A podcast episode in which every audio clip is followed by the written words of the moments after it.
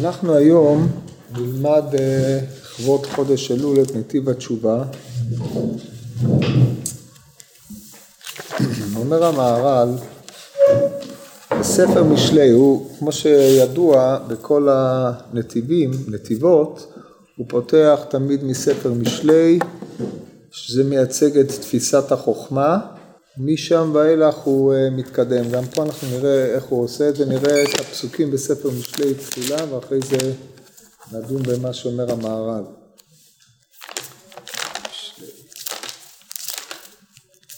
כתוב בסוף פרק א' של משלי, באמצע, חוכמות בחוץ תרונה, ברחובות תיתן קולה, בראש חומיות תקרא, בפתחי שערים בעיר המראה התומר.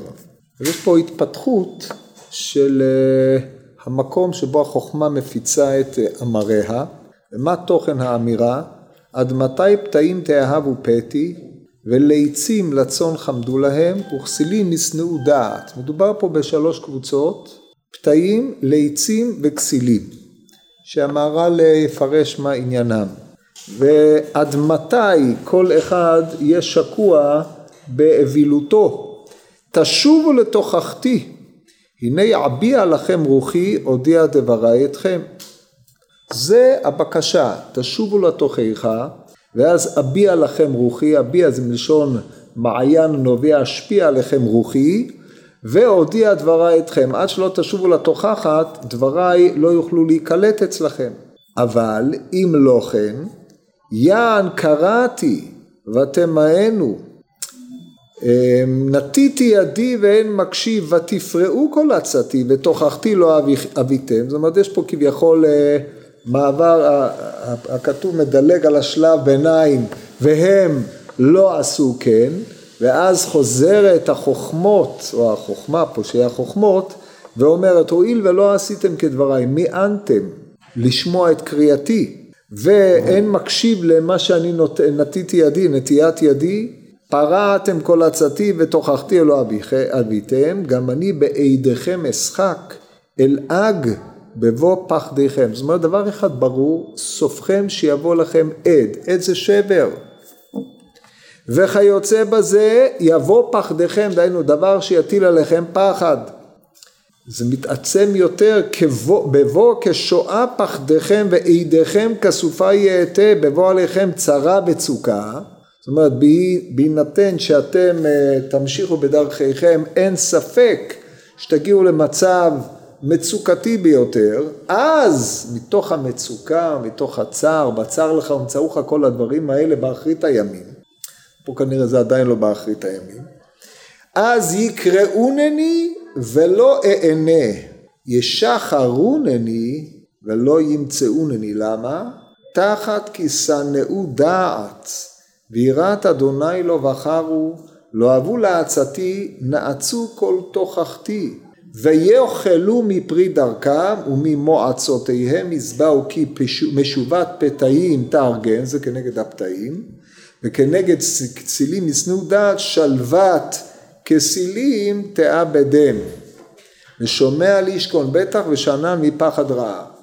אז לפי המוצג פה מי שמקבל את דברי, את דברי התוכחת של החוכמות, ישכון בטח ושאנן מפחד רעה. מי שלא, ותבוא כשואה פחדיכם וידיכם כסופה יאטה, תבוא עליכם צרה וצוקה, סופכם לכלות, אין מזה מנוס. אז זה, ועכשיו אנחנו יודעים לשון המקראות, כמו שהתחלתי להזכיר קודם, בצר לך ומצרוך כל הדברים האלה באחרית עמים, ושבת עד השם אלוקיך ושמעת בקולו כי אל רחום השם אלוקיך, לא ירפך ולא ישכח, לא ישכחך, לא ישחיתך ולא ישכח את ברית אבותיך. כי שענה לימים ראשונים, כל זה פרשת בית חנן, הוא מפורש הרבה יותר בפרשת התשובה. אז כשאנחנו מסתכלים באמירתו של החכם בספר משלי, החוכמות קוראות, זה מה שאתם צריכים לעשות. לא תעשו כן, מתחייב השואה, מתחייבת השואה, מתחייב השבר, הש... הכיליון. הפתרון היחיד הוא לשוב לתוכחתי. אם כאשר יתחיל לבוא אותו שבר, אותו צער, אותו כיליון, ואז תתעוררו, it's too late. כבר אין מנוס מהשואה. זה עמדת החכם בספר משלי. אבל הדבר הזה הוא מאוד משמעותי, מפני שאנחנו נראה להלן את, אה, על פי הירושלמי המפורסם במסכת מכות, פרק ב', בפסיקתא רבת, בפסיקתא דרב כהנא, על אה, ענייני התשובה, שאלו לחוטא, שאלו לחוכמה חוטא מה עונשו חטאים תרדף רעב, שאלו לנביא, לנביא או לנבואה חוטא מה עונשו הנפש החוטאת היא תמות כמו שאבי המהר"ל, הוא יביא את זה להלן, וזה באמת מבטא את עמדת ספר משלי, חטאים תרדף רעה. אם אתם לא נוטשים את דרך החטא, זה מה שיקרה. ואם הרעה כבר התחילה לרדף אתכם, ואז נזכרתם, הרעה תמשיך לרדף עד הכיליון. כי החוכמה תובעת את ההתעוררות העצמית של האדם, כמו שנראה. טוב, אז זה מבוא למה שיבוא בחלק הראשון של הפרק הראשון.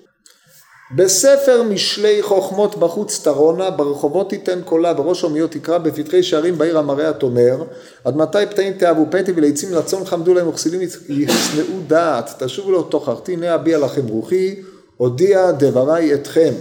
יען קראתי ותמנו נתיתי ידי ואין מקשיב, ותפרו כל עצתי ותוכחתי לא, לא אביתם וגומר.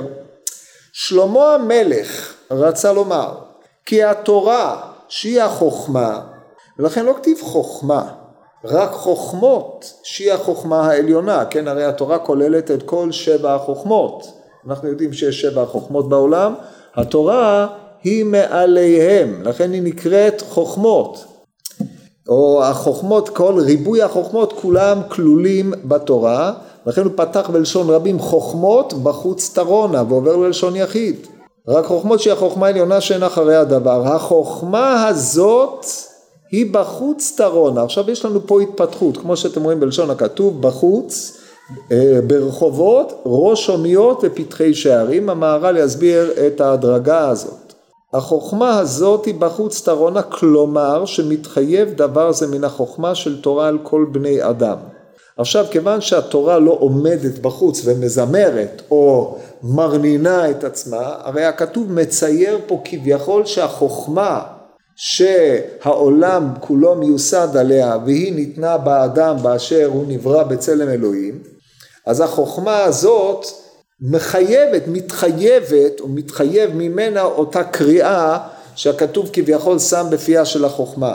לכן המהר"ל מנסח את זה, המשמעות בחוץ תרונה, לא שהתורה מרננת בחוץ, אלא החוכמה של התורה, מאחר שהעולם עצמו נברא על פי התורה, כמו שכתוב במשלי בפרק ח', השם קנני ראשית דרכו קדם מפעליו מאז וכל הפרק, כל סוף הפרק הזה מיוסד על התורה, אשר על כן מתחייב דבר זה מן התורה אל כל בני אדם. פה המהר"ל לא מבחין בין אם הוא ישראל או גוי. האדם באשר הוא אדם מתחייב ממנו דבר זה כפי שיבוא, דהיינו עד מתי פתאים כמו שנראה להלן. עכשיו הוא מתאר את ההדרגה וזה בחוץ תרונה. זאת אומרת המטבע בחוץ, היה יכול להיות החוכמות או חוכמות תרונה, מהי בחוץ? בחוץ כי התורה או החוכמות היא פנימית, היא עליונה, היא שכלית, היא נבדלת בלשונו של המהר"ל. אבל היא פונה בעצם העובדה שהעולם נברא על פי החוכמה, יש בה פנייה כביכול באשר החוכמה טבועה בעולם אל כלל בני האדם. לכן אנחנו מתארים את זה בחוץ, דהיינו יציאה מפנימיותה אל החוץ, כמו שהעולם עצמו נוהג על פי התורה וניהוגו של העולם על פי התורה הוא ניהוג חוץ, כך התורה כביכול באופן שבו העולם מונהג על פי הבורא יתברך, לפי התורה היא קוראת אל אלה שבחוץ. אז זה השלב הראשון, זה החוץ. השלב השני, ברחובות תיתן קולה. ברור שיש הבדל בין חוץ לרחובות. אומר המהר"ל רוצה לומר הדבר הזה שהוא מתחייב מן התורה אל תאמר שהחיוב הזה אינו רק לחכמים גדולים מאוד. זאת אומרת שמא תאמר שרק מישהו חכם קשוב להנהגה האלוהית את הטבע על פי התורה הוא זה שיכול לקלוט את אותו מסר שהתורה אומרת. ולכן זה בחינת חוץ. אבל לבינוניים או להמון כולו אשר הם אה, שוטפים כסוס שוטף במלחמה כולו רץ, או עובר, איך כתוב, במרוצתם כסוס שוטף במלחמה, הם אה, טרודים מהבלי עולם הזה, אין הם שומעים את אותו קול של תורה. לכן אם היה כתוב חוכמות בחוץ תרונה, אז היינו אומרים כן, רק למי שקשור, מי שקולט את מה שיוצא, את בת קול שיוצאת כל יום מהר סיני, ואומרת אוי לנו מעלבונה, אוי לכם מעלבונה של תורה. זה החכמים הגדולים. בא החכם ואומר לו, ברחובות תיתן קולה, אומר המהר"ל, חיוב זהו ברחובות ששם רבים בני אדם, ויותר מזה, עד שתקרא בראש הומיות ששם קיבוץ בני אדם. זאת אומרת, אל תאמר שכן, זה לאי אילו בני אדם שמהלכים ברחובות, דהיינו שיש להם איזשהו עניין משותף, או איזשהו מוכיח שהוכיח אותם, או עורר את ליבם. אומר המהר"ל, לא, הדבר הזה הוא מאופיין. הדבר המתחייב מן התורה, שתכף נראה אותו, מתאפיין בזה שהיא קריאה אל קיבוץ בני האדם. שם קיבוץ בני אדם, דהיינו שהדבר הזה מחויב אצל בני אדם בינוניים, לא רק אצל החכמים. ויותר מזה בפתחי שערים בעיר המראה התומר ששם נכנסים הכל עד שהגזירה הזאת מחויבת אצל כל בני אדם ואי אפשר שנעלם זה מן אדם אחד. זאת אומרת אותה קריאה של התורה היא קריאה אל הכל מפני שהיא למעשה גזירה. עכשיו תשימו לב בניסוחו של המהר"ל הוא פותח בקו מסיים בחבית. דהיינו הוא פותח בדבר, כן, תשימו לב לניסוח, מתחייב דבר זה מן החוכמה של תורה, לאחר מכן דבר זה מתחייב מן התורה, ולאחר מכן הגזירה הזאת, זה הפך להיות מדבר אל גזירה. מתחייבת אצל כל בני אדם. ההיגיון בדברים האלה הוא, מי שכל עוד יש בני אדם שהדבר הזה לא מתחייב אליהם, זאת לא גזירה. זה דבר שיש כאלה שהדבר הזה נוגע אליהם, ויש כאלה שהדבר הזה לא נוגע אליהם.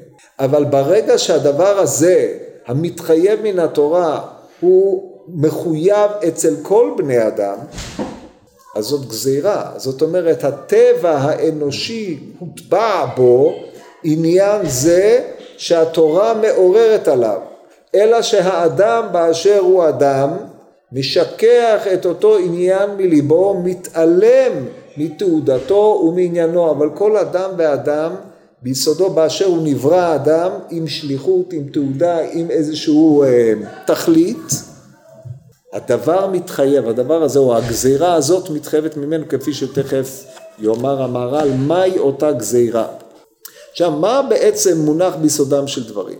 בני אדם במהלך חייהם מתרגלים לדפוסים מסוימים, נכנסים לתוך איזשהו הלכי רוח, הלכי דעת מסוימים, state of mind, מצבים כאלה, ועל פיהם הם מנתבים את החיים שלהם. עד שזה הופך להיות מזוהה עם האישיות שלהם, האישיות שלהם מזוהה עם אותו אידאה, עם אותו רעיון, הם רואים בו את תעודת חייהם. אף על פי ש... ובמצב כזה אדם לא נותן לעצמו דין וחשבון האם באמת נכון מה שאני עושה או לא נכון. עכשיו הואיל והאדם באשר הוא אדם, קרוץ חומר, ילוד אישה, היום כאן או מחר בקבר, מוגבל בהשגתו, בתפיסותיו וכיוצא בדברים האלה. האדם הרי צריך להבין שהוא צריך לעשות דין, דין וחשבון עם עצמו, האם בעצם מה שהוא עושה הוא מהלך בדרך נכונה או לא.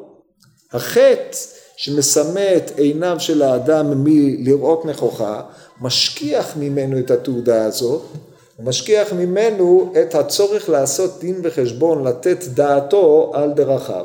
אבל הצורך של האדם לתת דעתו על דרכיו, לעצור ולהתבונן, שמא אני טועה, מאחר שכל אדם עלול אל הטעות, לא רק שעלול אל הטעות, אלא לפי דרשת ריש לוקיש באהבתה תשגה תמיד אין אדם עומד על דברי תורה עד שישגה בהם, כן זה התשגה שלו, לא ישגה בהם בלשון אה, אה, יתמיד להגות בהם, כמו שיגיון, טוב זה גם, שיגיון משמש פה בשני אופנים, ישגה יטעה בהם, כל אדם טועה, אדם שלא טועה הוא לא מתקדם, או כמו שניסחו את זה בצורה אירונית מה שהפילוסופיה של המדע היא פילוסופיה של הטעויות.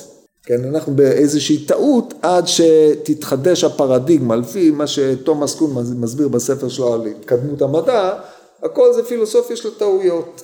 זה טבע האנושי. עכשיו ברגע שאדם מבין את זה כלפי דברים אחרים, הוא ודאי וודאי צריך להבין את זה לגבי הייעוד שלו. יש לו ייעוד, הוא לא בא לעולם כמו שבהמה נולדה בעולם לשמש את האדם.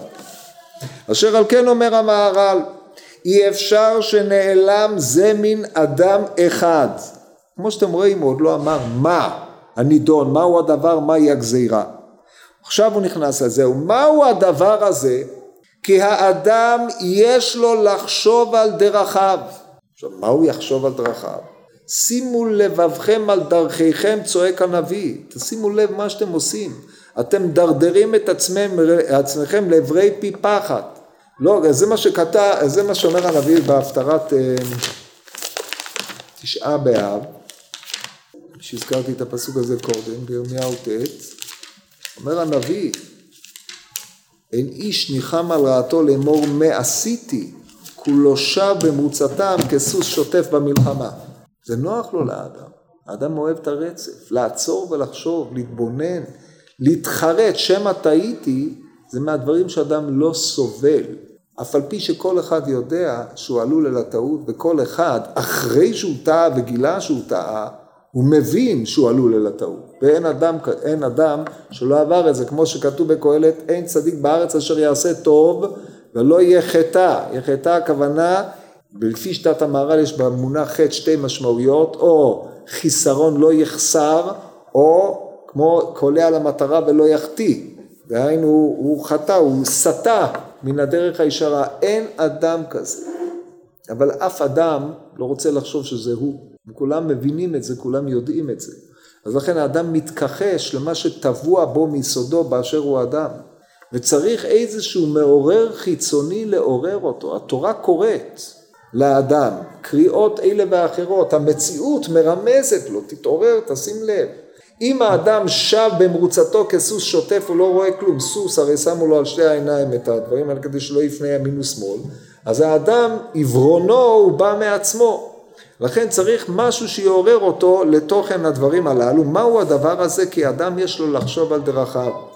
ואמר עד מתי, עכשיו הוא מסביר מה אתם צריכים לעשות, עד מתי תמשיכו להתמיד באווילות שלכם. אז הוא מחלק את זה לשלושה חלקים. המהר"ל בדרך כלל, ובהרבה מאוד מקומות, מבחין שלושה חלקים באדם. נפש, יש לנו את הנפש, יש לנו את הרוח ואת השכל. גוף, נפש ושכל. כאשר נפש ורוח מתחלפות, הגוף זה בדרך כלל הצדדים היותר בהמיים שבאדם תאוות הגוף של האדם, דהיינו צורכי אכילה, שתייה ומין ושאר כל הדברים הללו שכולם נוגעים להיבטים היותר נמוכים של האדם.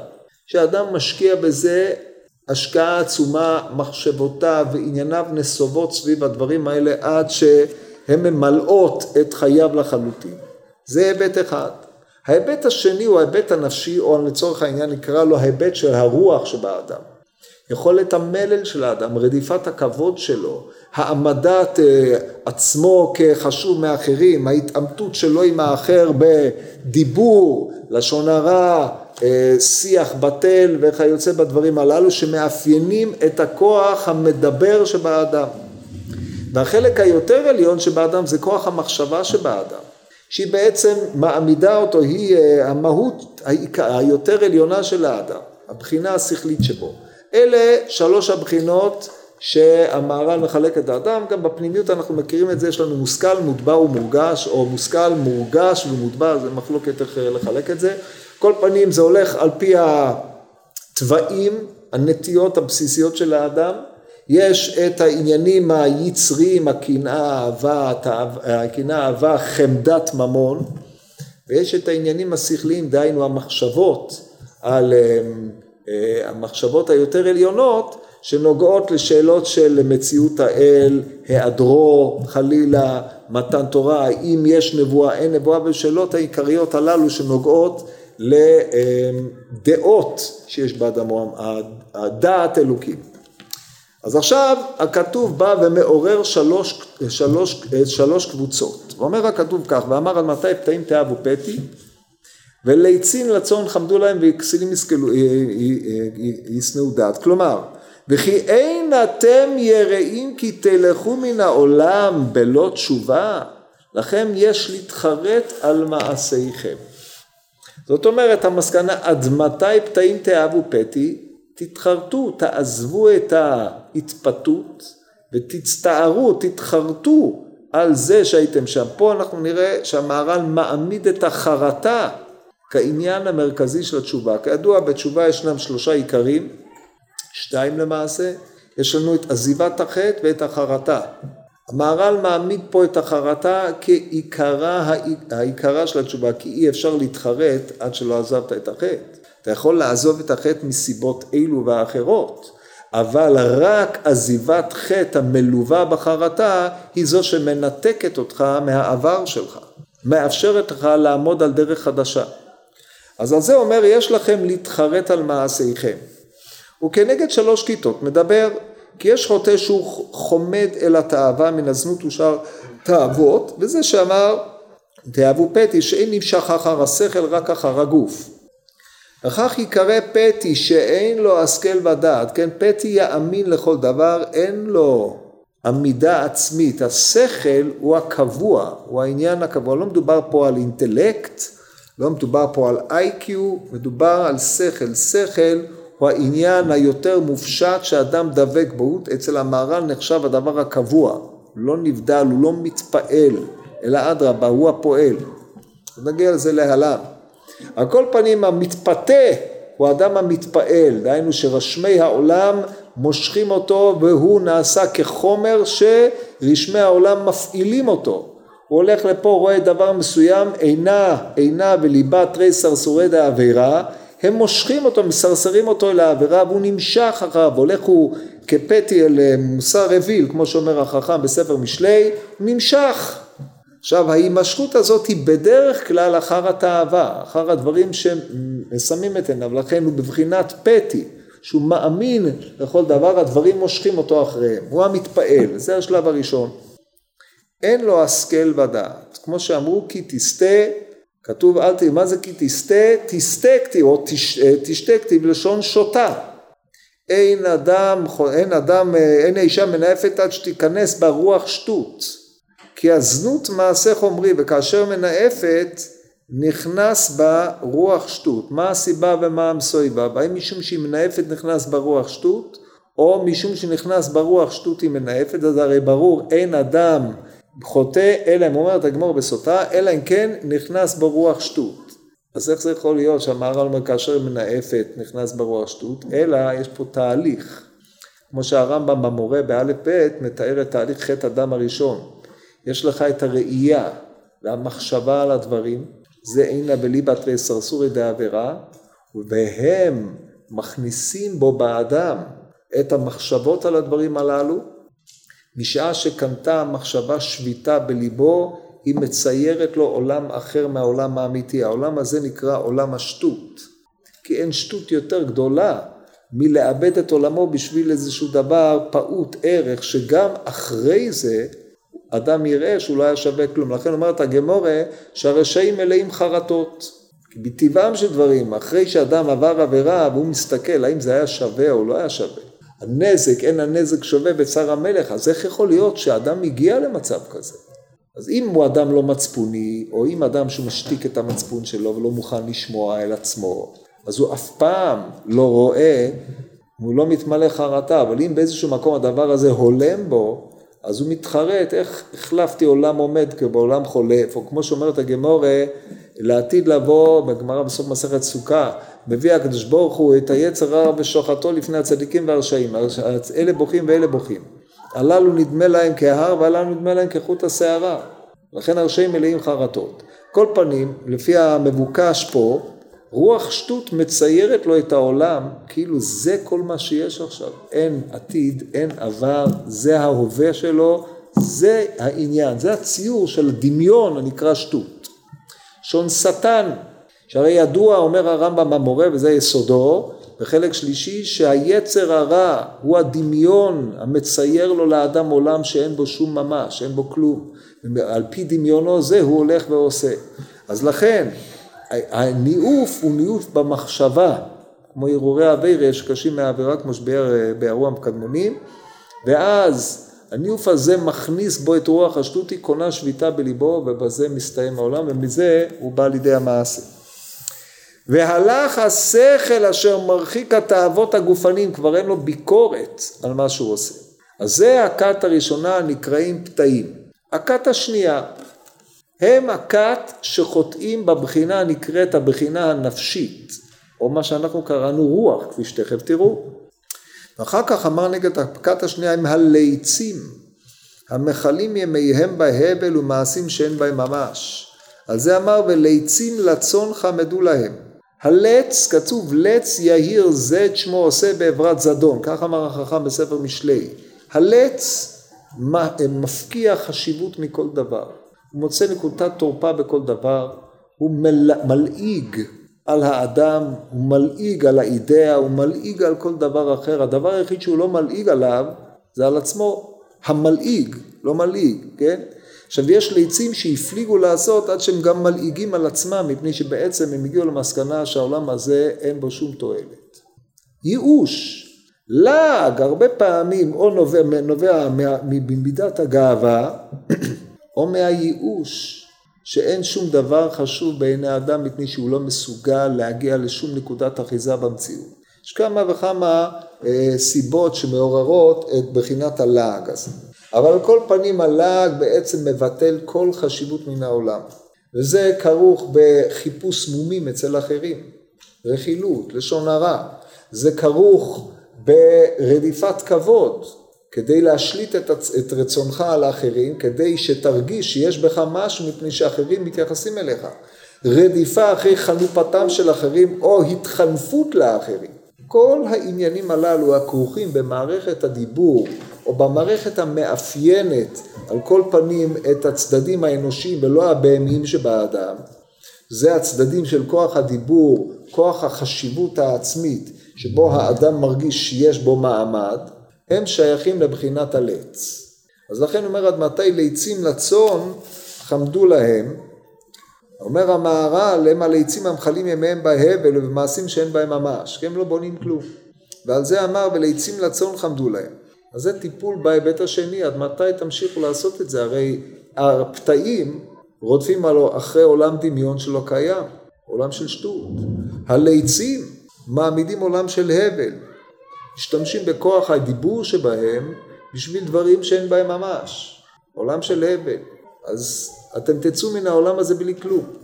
והאחרונים, ואחר כך אמרו כסילים ישנאו דעת.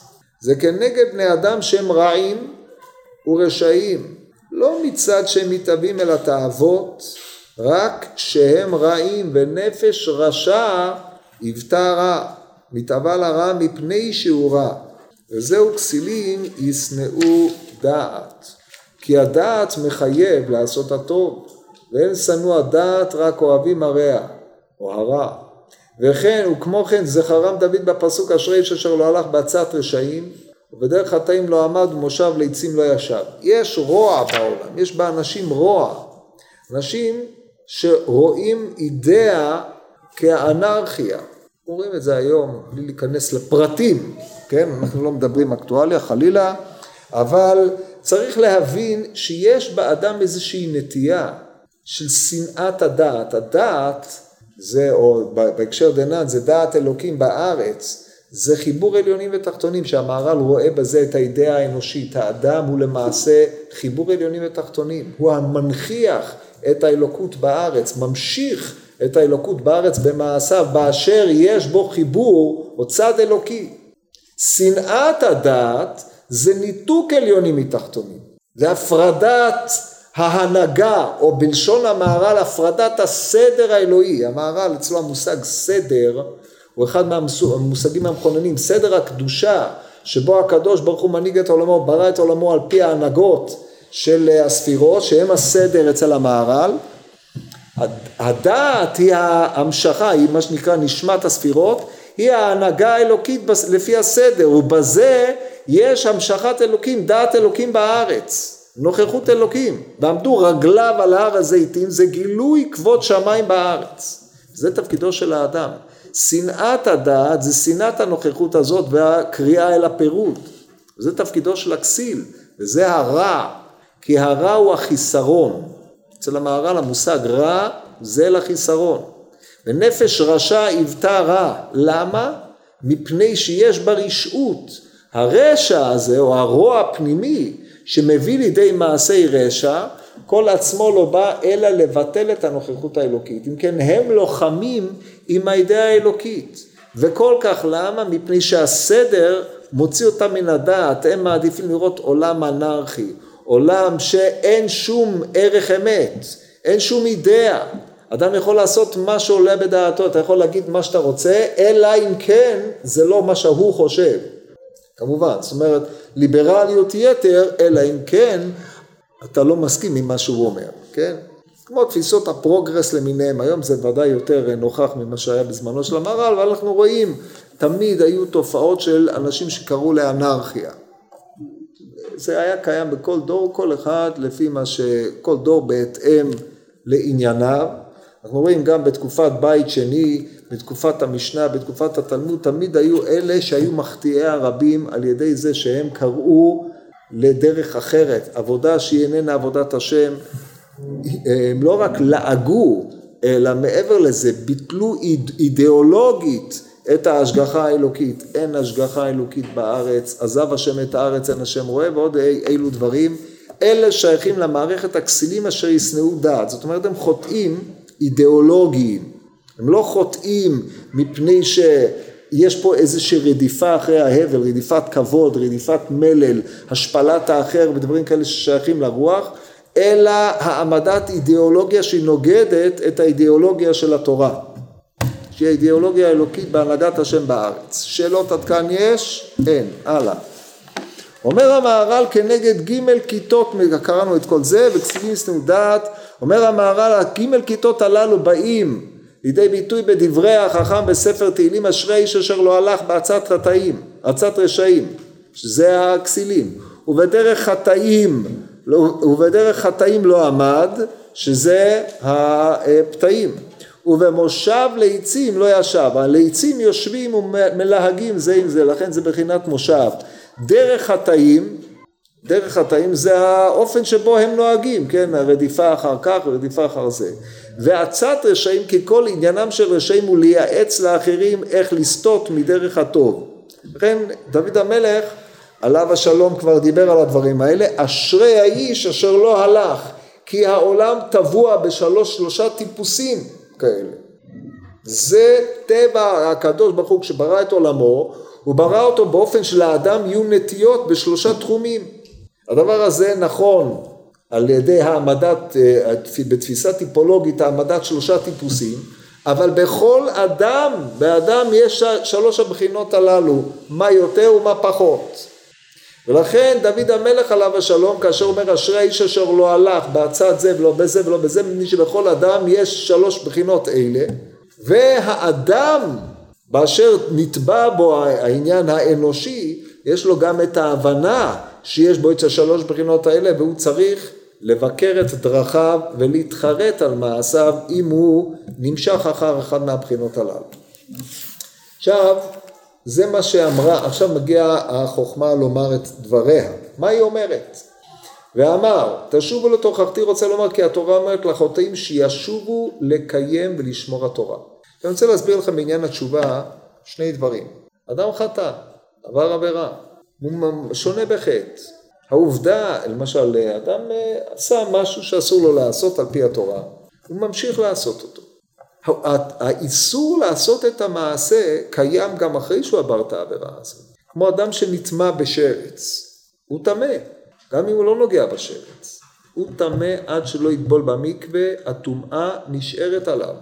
יש לו איסור בעקבות הטומאה הזאת להיכנס למקדש, לאכול קודשים, ואחר יוצא בדברים האלה. לפי התפיסה שדיברנו על זה בשנה שעברה על מושגי הטומאה, את שתי הבחינות האלה, פה אם נחסיק בתפיסה החפצית של הטומאה, הוא טומאה דבוקה בו, קשורה בו ככלב, אומרת הגמורה בסוטה, זאת אומרת החטא, קשור בו ככלב.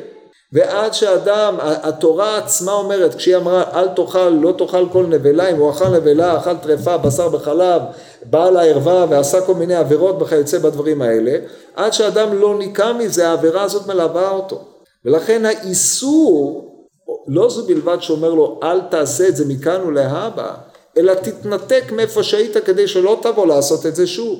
אז האיסור לעבור עבירה הוא קיים לפני שעברת את העבירה ואחרי שעברת את העבירה אם אתה רוצה להמשיך לעבור אותה אתה חייב לחזור אל התורה לא לעבור את העבירה שוב מפני שהאיסור הזה עדיין קיים. זה ההיבט הראשון.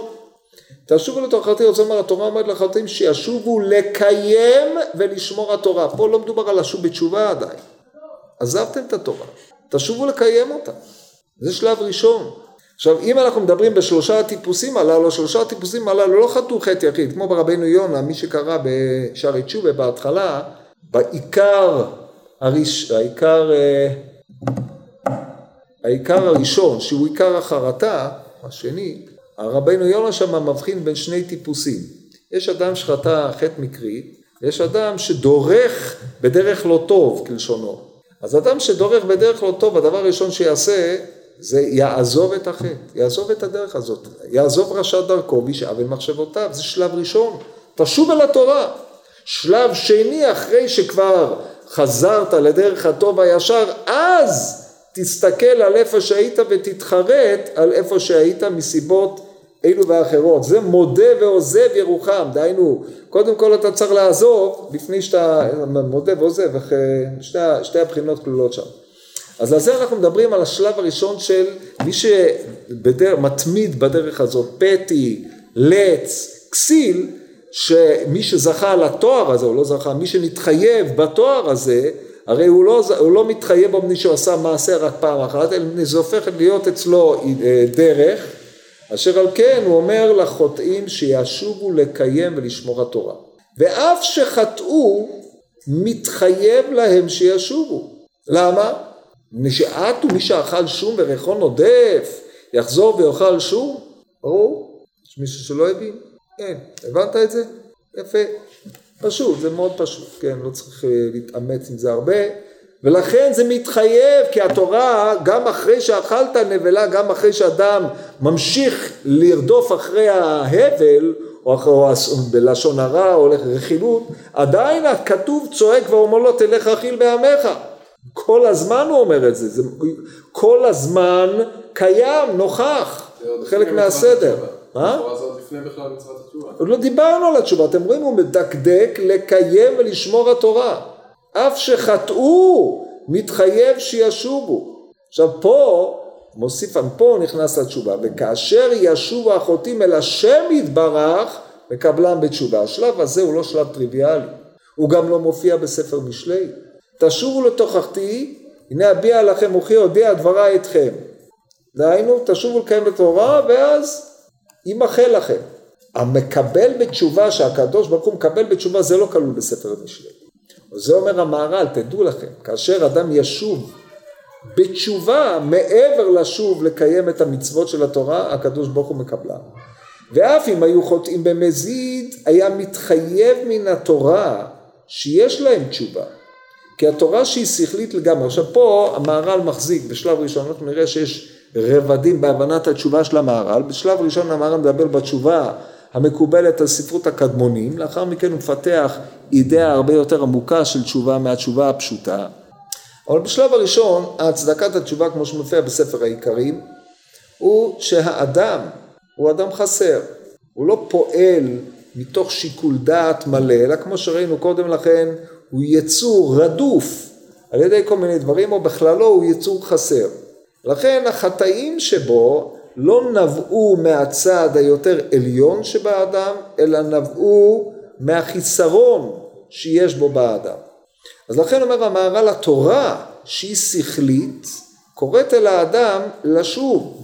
עכשיו היית יכול לומר, רגע, ברגע, ברגע שחטאת, נגמר הסיפור, אין לך מה לשוב, נגמר העסק. הוא אומר לא, התורה גם אחרי שחטאת, אומרת לך תמשיך לשמור את התורה. למה? כי התורה שהיא שכלית לגמרי והאדם אינו שכלי, רק הוא בעל גוף. ואילו היה האדם בעל שכל לגמרי וחטא אין התשובה המועילה לו כי התשובה בשביל שיאמר חטאתי, חטאתי פירושו של דבר אני חסר, הבנתי שלא הייתי, לא עשיתי מעשה בצורה טובה, עשיתי מעשה בחיסרון, כיוון שאני חסר באו ממני מעשים שמה שמאפיין אותם זה החסר, אבל אדם שהוא שכלי לגמרי, אם היה אדם כזה, הוא מעמיד את החטא שלו על אידאה שכלית שהוא דבק בה, אין לו תשובה. כמו שהסברנו בשנה שעברה כשדיברנו על רבי אלעזר בן דורדיה, הסברתי לכם את כל ה... מי שהיה, את כל האופן שבו צריך לחשוב את זה, זה מופיע במהר"ל בהמשך. אין התשובה מועילה לו, כי התשובה בשביל שיאמר חטאתי והוא מתחרט על מעשה. פה אתם רואים, העיקרה של התשובה היא בשביל החרטה. והחרטה שייכת לאדם במה שאין כל מעשיו שכליים. כשאתה מתחרט, אתה רוצה להתייצב על דרך אחרת, זה מפני שמה שעשית עד עכשיו נבע ממעשה של שטות, מעשה של הבל, מעשה של חוסר דעת. אבל אם כל מעשיך היו מכוונים, איך אתה יכול להתחרט? זה בעצם מה שהוא אומר פה, לכן לא שייך תשובה כלל אם היה אדם שכלי, פירושו של דבר שאדם הוא לא שכלי. אבל מפני שאדם אינו שכלי גמור תשובה וחרותה שייך בו ולכן התורה השכלית קוראת לחוטאים שישובו. פירושו של דבר תשוב לדרך התורה מפני שמה שעשית עד עכשיו נבע מהחסר שבך. ואם תשוב לדרך התורה אז החטא יימחה לך באשר יתברר שמה שעשית נבע מהצד החסר שבך ואתה לא עשית את זה מידי הגמורה. טוב, המשך יבוא בעזרת השם שבוע הבא.